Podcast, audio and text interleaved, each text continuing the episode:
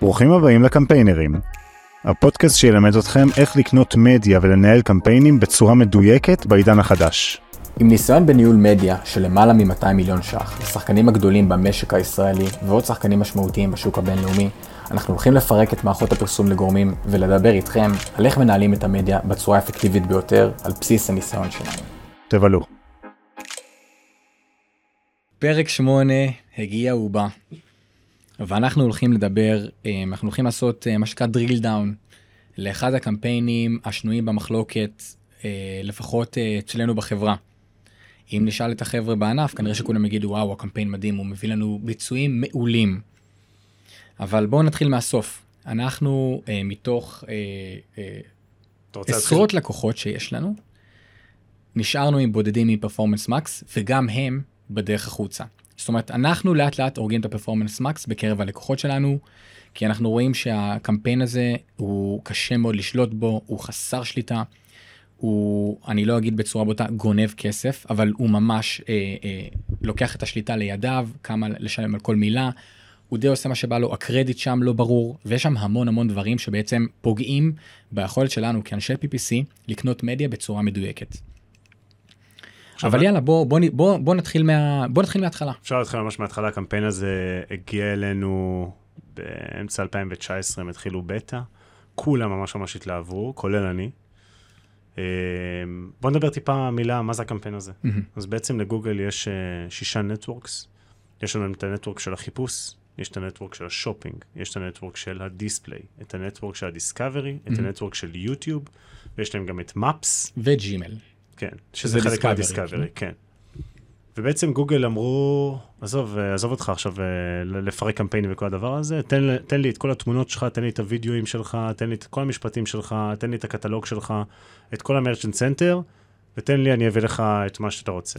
תן לנו, ה machine learning נכון. וה-AI והאלגוריתמים, בעצם מספק לך תוצאות שהן מבוססות. תן לנו יד ובוא נצא לדרך.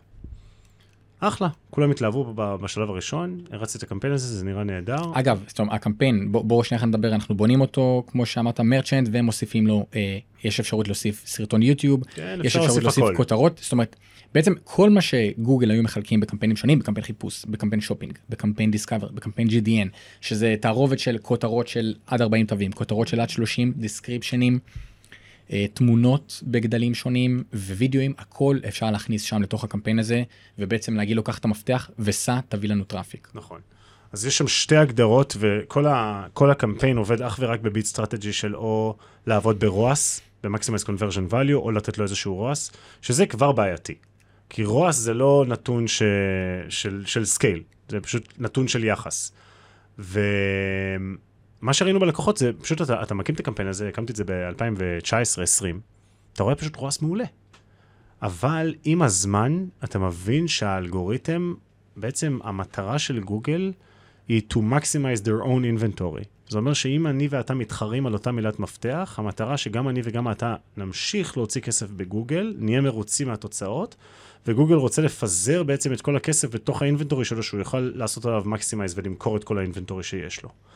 אז אה, זה אחת הסיבות שגם... אני אשמח רגע להוסיף פה איזה הערת סוגריים. בוא נבין רגע את הגאונות שבדבר.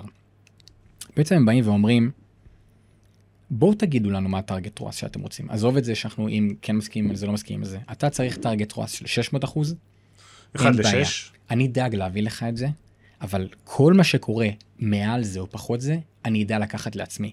זאת אומרת, יש מצב שיש מילים שאתה יכול לקנות אותם בנפרד בחצי שקל, אבל גוגל מבין שיש עליהם conversion rate טוב ו-AOV טוב, אז הוא יוכל לקחת לעצמו שקל, נכון. כי בהתחשב בנתונים אלה, הוא עדיין ייתן לך אה, רועס של 6.5. נכון. סביר מאוד להניח שאם הוא יגלה או, או יבין שיש עוד מקום, או להעלות תקציב, או להרחיב את הטראפיק, זה מה שהוא ינסה לעשות. כן.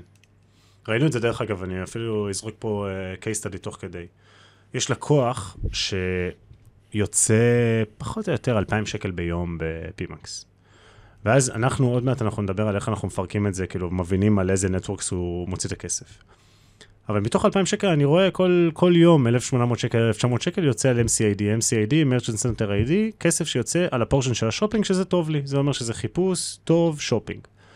ואז אמרנו בוא נעשה scale כי יש מבצע, העלינו את התקציב ל-3,000, אז אני מצפה שעכשיו ה-3,000 שקל האלה יצאו על השופינג. ופתאום רואים junk traffic, אני קורא לזה. פתאום רואים את כל ה- GDN מתפוצץ בכל מיני אפליקציות של ילדים שהוא מציג בהם. בתכלס, מה שקרה פה, גוגל מנסה להביא איכשהו את ה ROAS הזה בדרך אחרת, נגמר לו כבר מילות חיפוש ונגמר לו לענות על כל הביקוש בשופינג, אז הוא הולך ל display כדי לנצל את הכסף. כמובן שהלקוח הזה באותו יום-יומיים פשוט הפסיד כסף.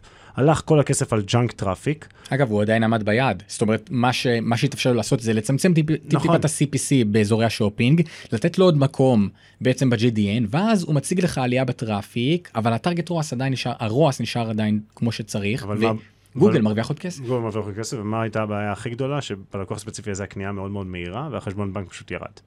אז הוצאנו יותר כסף והפסדנו כסף.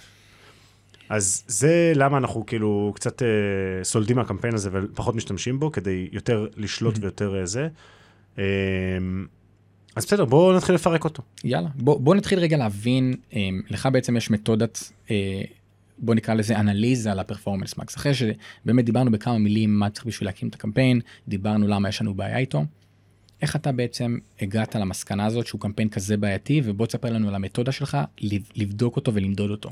אז קודם כל, אנחנו חייבים לנסות להבין, לא לנסות, להבין, איך הוא מתפרק מבחינת ה networks. בואו נוריד את זה טיפה לפרקטיקה.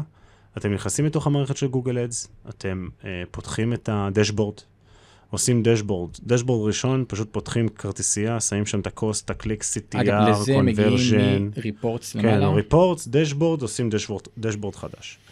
ואז נכנסים ועושים קליק, CTR, זורקים שם את כל האינפורמציה שאתם רוצים של הקמפיין, ועושים שם סינון של Performance Max. אז קודם כל, אתם אמורים, אתם אמורים לראות את אותם מספרים שאתם רואים במערכת. אחלה. ואז אתם עושים בדיוק את אותו, את אותו דוח, רק עם שני סינונים. סינון של הקמפיין Performance Max, ועוד סינון של MCID. זה יראה לכם כמה כסף יצא על ה portion של השופינג, שזה כולל בתוכו שתי networks. network מספר אחד, השופינג, שבן אדם עכשיו מחפש ורואה את. הכרטיסיות, וה network השני זה כל ה dynamic remarketing, שאתם רואים GDN אה, ו- רץ. נכון, שזה יכול להיות באתרים, זה יכול להיות בג'ימייל. נכון, ג'ימייל, באפליקציות, כל מיני דברים כאלה. אחרי שעשיתם את זה, יש לכם בתוך הכרטיסייה הראשונה, אתם צריכים להוסיף CPV ו-Views. CPV זה cost per view ו-Views, אתם פשוט, פשוט עושים זה כפול זה. אז ה-CPV כפול ה-Views ייתן לכם פחות או יותר תקציב. כמה, כמה תקציב יצא על יוטיוב. והשלב הרביעי, אתם מוסיפים עוד כרטיסייה שנקראת Performance Max Placement, שגם אנחנו נ, נ, נ, נשלח לכם אה, צילומי מסך ונראה לכם איך אתם מוציא, מוציא, מוציאים את זה. אבל גם אפשר ליצור כרטיסייה ולבדוק איפה נחשפתי ב-GDN בעצם, וגם בדיסקאברי. והדבר האחרון זה Landing Page Report, שגם את הריפורט הזה אפשר לייצר ולהבין על איזה, לאן ה-Performance Max מעביר את הטראפיק. אגב, אני אוסיף, אה, אנחנו אה, נצרף לינק מדויק שבעצם מציג את המדריך איך איך לבנות את הדשבורד הזה, לפי איך שאתה מסביר, שמי כן, שרוצה ו- וירצה לעשות את זה, יוכל נכון. לעשות את זה. אה, אחרי שבדקנו את כל המידע הזה, אנחנו מבינים מה משפיע פחות או יותר על, ה, על החשבון בנק בגדול, על הכסף שאנחנו רואים. אנחנו משתמשים במידע שיש בתוך Google Ads, ואנחנו רואים כמה כסף מגיע מהשופינג. יוטיוב מאוד מאוד קשה לדעת את זה, אבל קודם כל, קודם כל תסירו את השופינג ותבינו מהחיפוש כמה כסף נכנס לפי ה landing pages, ואז צוללים פנימה. בתוך ה-Insights Report, בתוך הקמפיין הזה, אפשר להסתכל על פחות או יותר ה-search categories שהגיעו. שדרך אגב, תמיד כשמגיע אלינו לקוח חדש, הדבר הראשון שאנחנו רואים, שיש שם את מותג. המותג. אתה יודע שבאיזה 2019-2020 בכלל לא נתנו- לא נתנו את האופציה לעשות negative keyword. אז כולם פשוט התאהבו בקמפיין הזה מ-day one, כי פשוט, היי, יש מותג. ואז זה נראה נהדר, עם ROAS ה smart- 10. מה עם ה smart shopping? smart. shopping- smart shopping פשוט נ- נ- נהרג, כי הם שדרגו את זה אבל מה עם. המותג? הסמארט שופינג היה לך שם אופציה לעשות נגטיב. ואז הם פשוט הרגו את זה. ואז אתה מריץ את ה- את ה-performance max, וטוב, עכשיו, אם אתם מריצים performance max עכשיו, אתם צריכים לש- לבקש מהנציג לעצור את זה. זאת אומרת, לבקש, אתם יכולים להכין נגטיב keyword list, מבקשים מהנציג, תוסיפו את זה לקמפיין, ותוסיפו את המילת מותג לשם, ותיק כל הקמפיין הזה, כל התוצאות יורדות בשנייה. כי פשוט המותג לא שם, וזה לא, זה מפסיק אה, לקנות את המותג. Um, השלב השני שאנחנו עושים בקמפיין, אם אנחנו uh, מתחילים לעבוד עם לקוח חדש, זה, אנחנו לא מוכנים עדיין לקנות יוטיוב או GDN, אז אפשר לייצר feed only. זאת אומרת, פותחים כרטיסייה asset חדש, לא נותנים לו תמונות, לא נותנים לו um, um, וידאוים, ומריצים אותו אך ורק על ה portion של השופינג. ואז זה כמו smart shopping שהיה בעבר, אבל עדיין בלי החלוקה לכל ה products.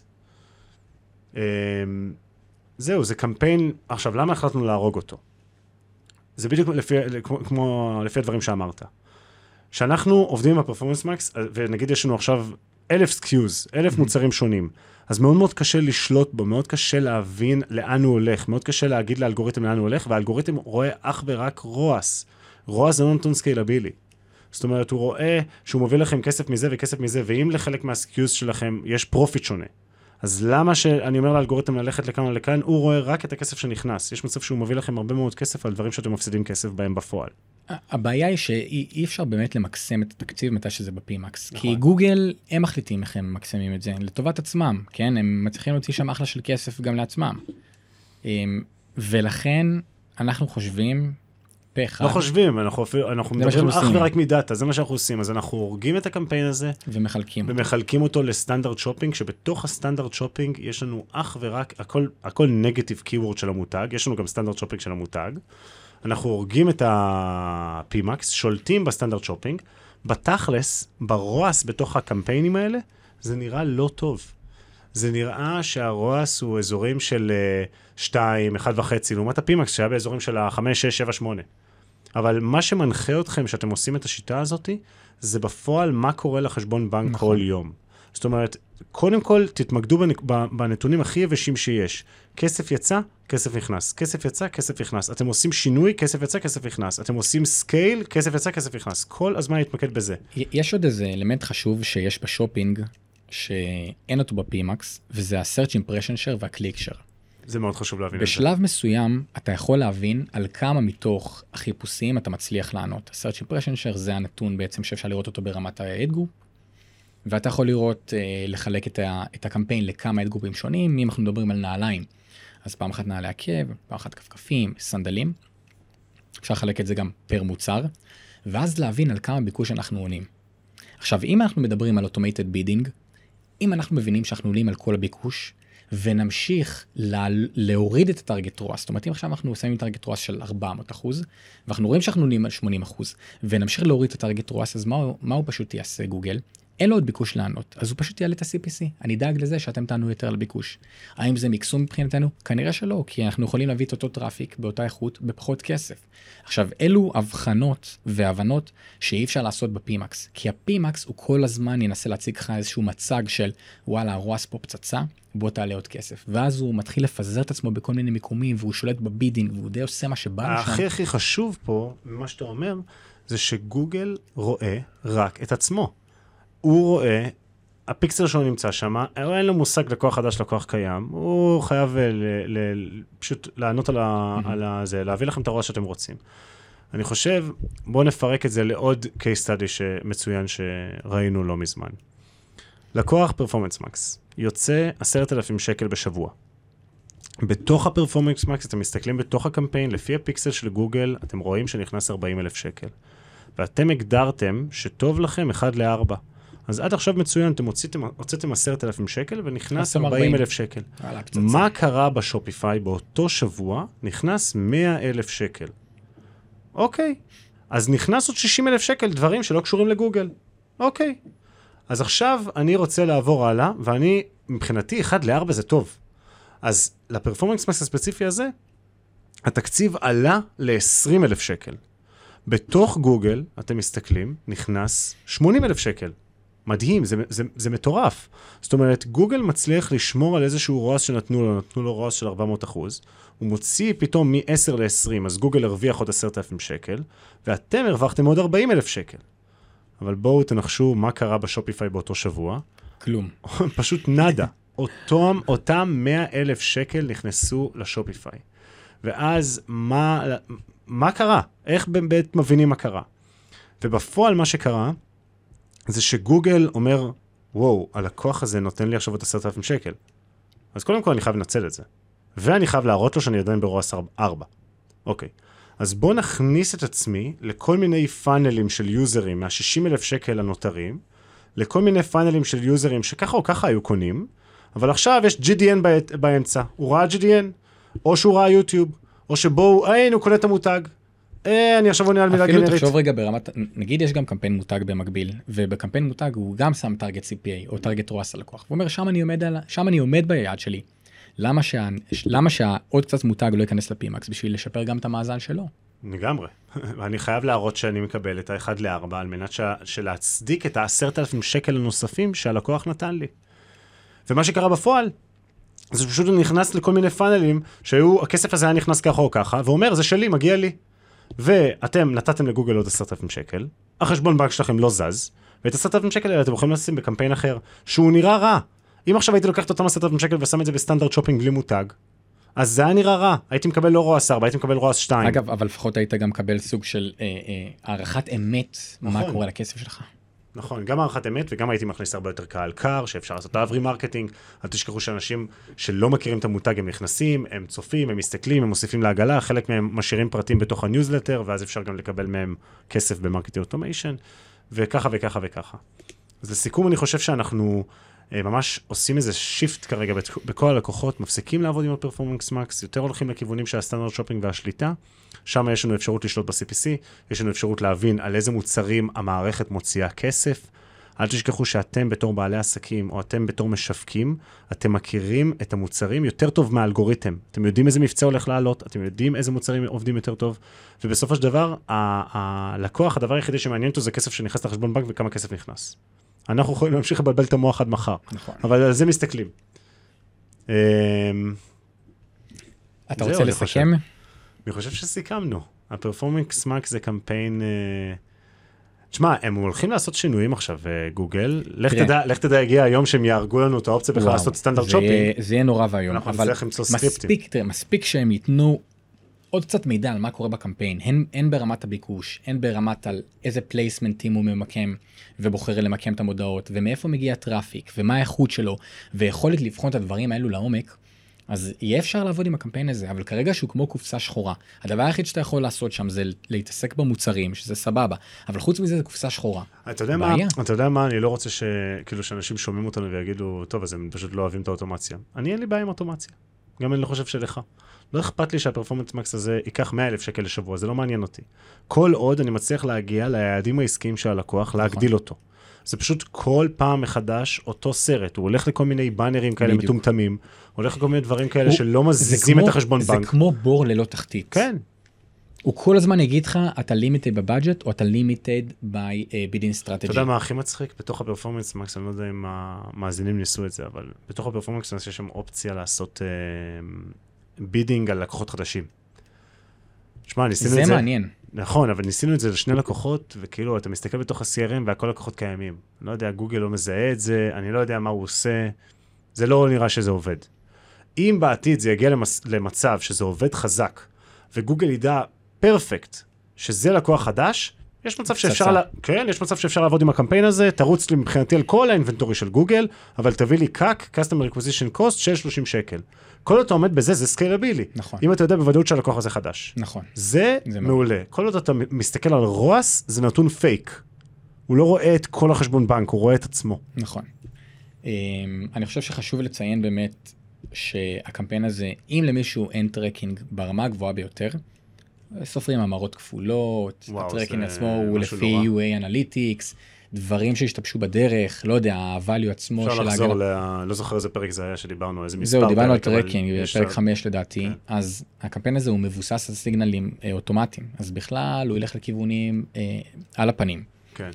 עכשיו, אנחנו כן מאמינים שבעתיד יהיה אפשר לעשות עם הדבר הזה משהו, אבל אנחנו צריכים א', לקבל קצת יותר שליטה על הידיים.